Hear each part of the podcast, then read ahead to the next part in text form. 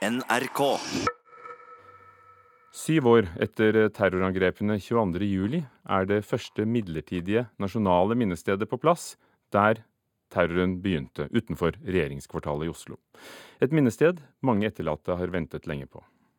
Du tenker på alt som har skjedd, alt som kunne vært unngått, alt som uh, kunne vært annerledes. Og så får vi prøve å leve med sånn som det er. Og Da er minnestedet veldig, veldig viktig. Dette sier Kolbein Frittun. Han har reist fra Stryn for å være i Oslo på avdukingen av det første nasjonale minnestedet etter terrorangrepene 22.07. Datteren hans, Hanne Kristine Frittun, ble drept på Utøya for syv år siden. Han mener det er viktig for de etterlatte å ha et sted man kan gå til for å minnes de som ikke er her lenger. Du trenger en plass å gå til, og du trenger en plass å kunne sette seg ned og tenke. og Et minnested er viktig. Tidligere leder i Arbeiderpartiet, Jens Stoltenberg, mener det nasjonale minnestedet var etterlengtet, og er glad det endelig er på plass. Minnesmerket syns jeg er eh, veldig fint. Det er enkelt og, og veldig talende med alle navn og glass, og at det står her hvor angrepet skjedde. Og så er det bra at det kom et minnesmerke, fordi eh, det tror jeg mange har eh, ønsket seg. Det er en måte å minnes de som ble drept, eh, men det er også en måte å markere at dette ønsker vi aldri skal skje igjen. Det er mange etterlatte som har møtt opp utenfor regjeringskvartalet. Ingen sier stort, ingen snakker høyt. De ser alle på minnesmerket som ble avduket syv år etter terrorangrepene.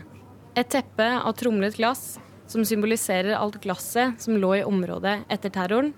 Trær rundt som symboliserer motstandskraft og navneveggen med navnene på de 77 som ble drept, som symboliserer minne. Jeg syns det, det, er veldig vakkert og, og, verdig, og det er et fint minnested. Og jeg tror det er fint å ha noe som man kan gå til og, og reflektere og tenke over det som skjedde. Det, det er veldig virkningsfullt, og, og det som Det står jo sant, navnet og alderen, eh, og jeg syns det er Det er veldig tungt å tenke på at det der livet deres stoppa. Som eh, Gunnar fra Troms, som var 23 år, og som jeg så opp til og var, han var eldre enn meg. Nå er jeg tre år eldre enn han ble. Uh, og jeg syns det er veldig tungt å tenke på. Marta Hofsøy sitter i sentralstyret i AUF.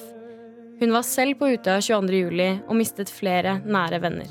Hun mener et nasjonalt minnested er viktig for hele Norge. Altså det er jo selvfølgelig viktig for alle oss som er direkte berørt av 22. juli, men jeg tror også det er viktig for hele Norge. For det handler om at vi ikke skal glemme at vi har et sted der vi kan gå for å tenke på det som skjedde, og reflektere om hva det betyr både for oss som nasjon og, og politisk også. Eh, så Derfor er jeg glad for at det kommer på plass et eh, midlertidig minste, men jeg håper jo også at det kommer på plass et permanent et snart. Både her i Oslo, men også på Utøya. Reporter her var Kaja Maria Andreassen under avdukingen i går. Mona Palle Bjerke, kunstkritiker her i NRK. Er minnestedet, det midlertidige foran regjeringskvartalet, blitt det de etterlatte og, og folk i Norge trengte? Nei, jeg opplever jo ikke det. Eh, jeg forstår godt behovet for og gleden for å endelig ha fått et minnested. Det er viktig at vi har et sted hvor folk kan tenke på de døde, hvor vi kan eh, holde fast ved eller erindringen om denne tragiske hendelsen, som vi aldri må glemme. Men jeg tenker jo det at de døde og de etterlatte fortjener noe som er mye bedre enn eh, dette. Dette syns jeg er smålåtent, og jeg syns ikke det holder mål for denne store oppgaven som dette minnesmerket skal ha. Hva er det som ikke holder mål rent kunstnerisk, eh, hvis vi ser på det som kunstverk? Ja, Det er kanskje ikke helt riktig å se på det som et kunstverk, men altså et eller annet i et monument, da, i et slags krysningspunkt mellom kunst og design, må vi i hvert fall kunne se det som et estetisk uttrykk. Og jeg tenker at eh, For det første er jo materialvalget veldig uheldig.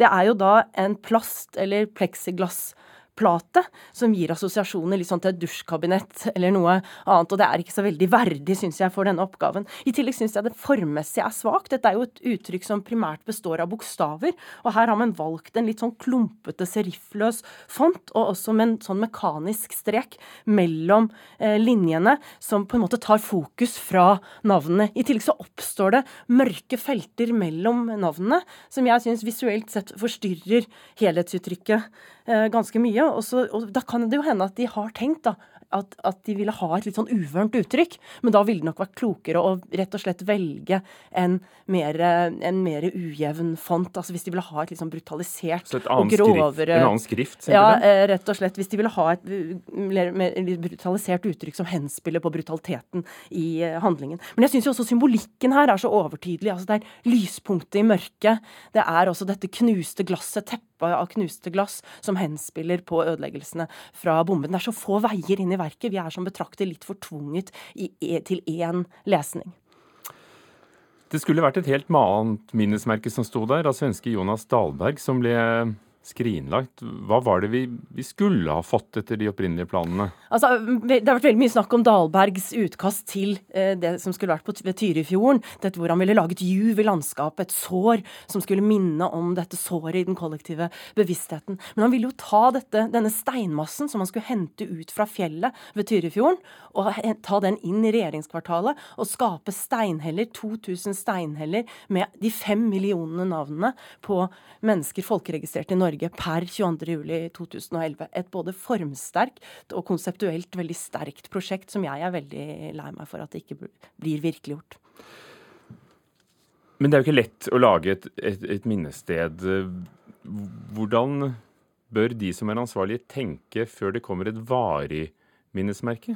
Jeg tror det er veldig viktig at man ser litt utover øyeblikksemosjonene. Det er så sterke følelser knyttet til hvert enkelt av disse navnene som inngår i minnesmerket.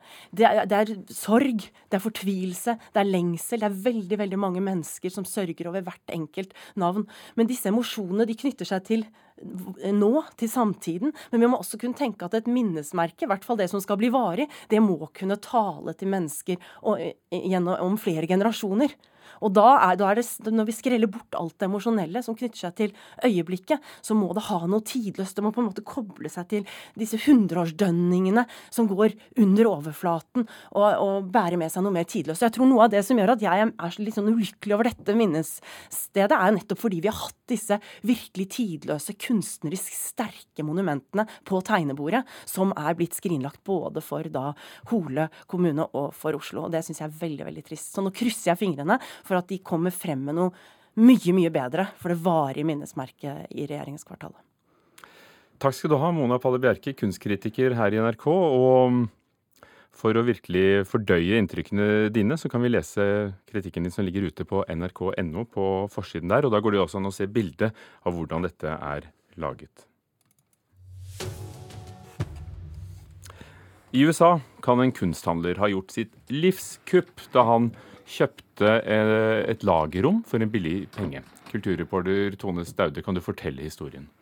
Ja, det er eh, altså en eh, kunsthandler i New York som, så, som, ikke hadde så store forhåpninger da han motvillig gikk med på å betale 123 000 kroner for et forlatt lagerrom med 200 gamle malerier. Han begynte å bære dem over i bilen sin og skvatt da han fant en eske det sto Konig på. Hm, for et bilde av William de Koning er ganske mye verdt. Ja, eh, amerikansk-nederlandske de Konig, som døde i 1997, regnes som en av de fremste representantene for den abstrakte ekspresjonismen. Bare det å finne ett bilde i et gammelt lagerrom er helt uhørt, sier kunsthandleren til The New York Times. Og her var det seks malerier ja, av denne kunstneren. Seks som kunsthandleren er helt sikker på er malt av eh, Konig. I 2015 ble bildet Interchange f.eks.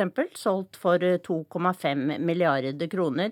Og stort sett er prisen på kunstverkene til denne kunstneren fra noen titusen til flere titalls millioner eh, dollar. Kunsthandleren i New York har også fått bekreftet at eh, bildene er ekte. Det hjelper jo på.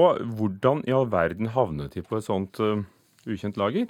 Ja, de har tilhørt den tidligere konservatoren Orin Riley ved Guggenheim-museet i New York, og da han døde i 1986, så arvet partneren hans bildene.